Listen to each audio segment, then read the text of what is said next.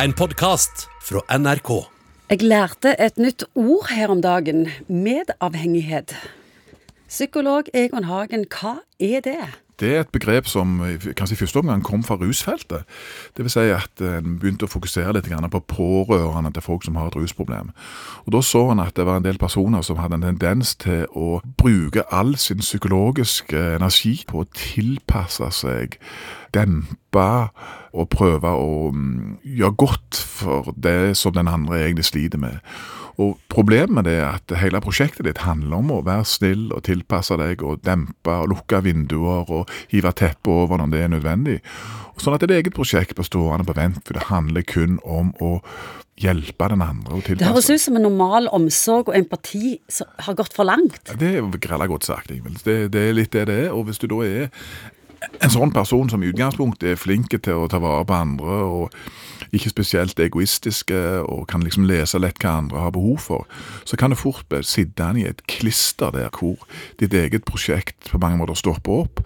Du blir liksom lynavlederen. Du blir den som på en måte skal, skal skjule det som Du fyller på en måte samme mønster som den som er avhengig. Det gjør du, og mange kan få ganske tilsvarende symptomer, faktisk. Og så er det jo sånn at Dette arter seg jo forskjellig. altså Hvis du er barn for eksempel, og har rusmisbrukende foreldre, så kan du kanskje bruke himla mye tid på, på å skjule dette, eller være veldig flinke. Du skal ikke stå på deg, så liksom du blir topp. Så, så dette med Forsøket på å, å kamuflere og skjule kan gi seg veldig mange forskjellige uttrykk. Fins det mye medavhengighet der ute? Ja, det fins vanvittig mye medavhengighet. Og veldig mange av disse får heller ingen hjelp. Historisk sett har det vært mye mindre oppmerksomhet om de konsekvensene det er å leve sammen med folk som da har en eller annen psykisk eller rusrelatert sykdom.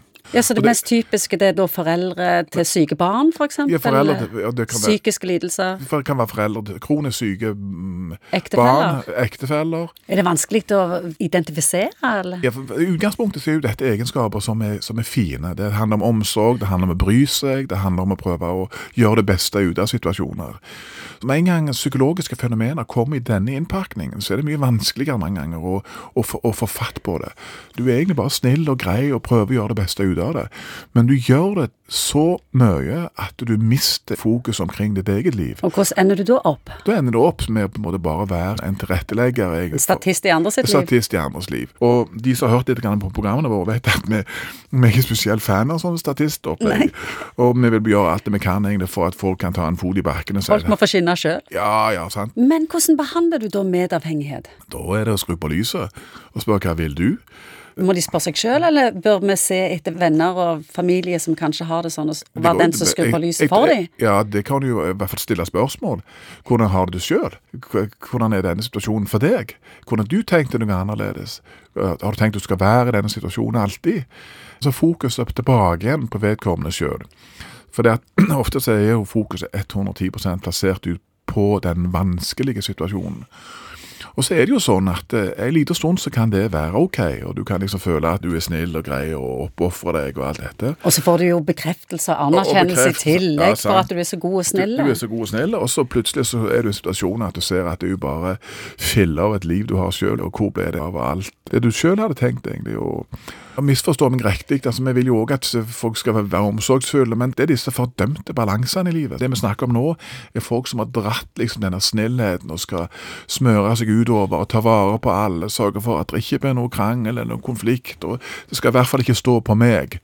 Sant? Og Dette har jo tusen ulike varianter hvordan dette kan se ut, men jeg tror at de som holder på med dette, de vil sikkert kjenne seg litt igjen i dette. Sett at jeg bare slutter med å si at ikke puck, altså, jeg gidder ikke mer av dette. Nå får dere greie dere sjøl. Du har hørt en podkast fra NRK.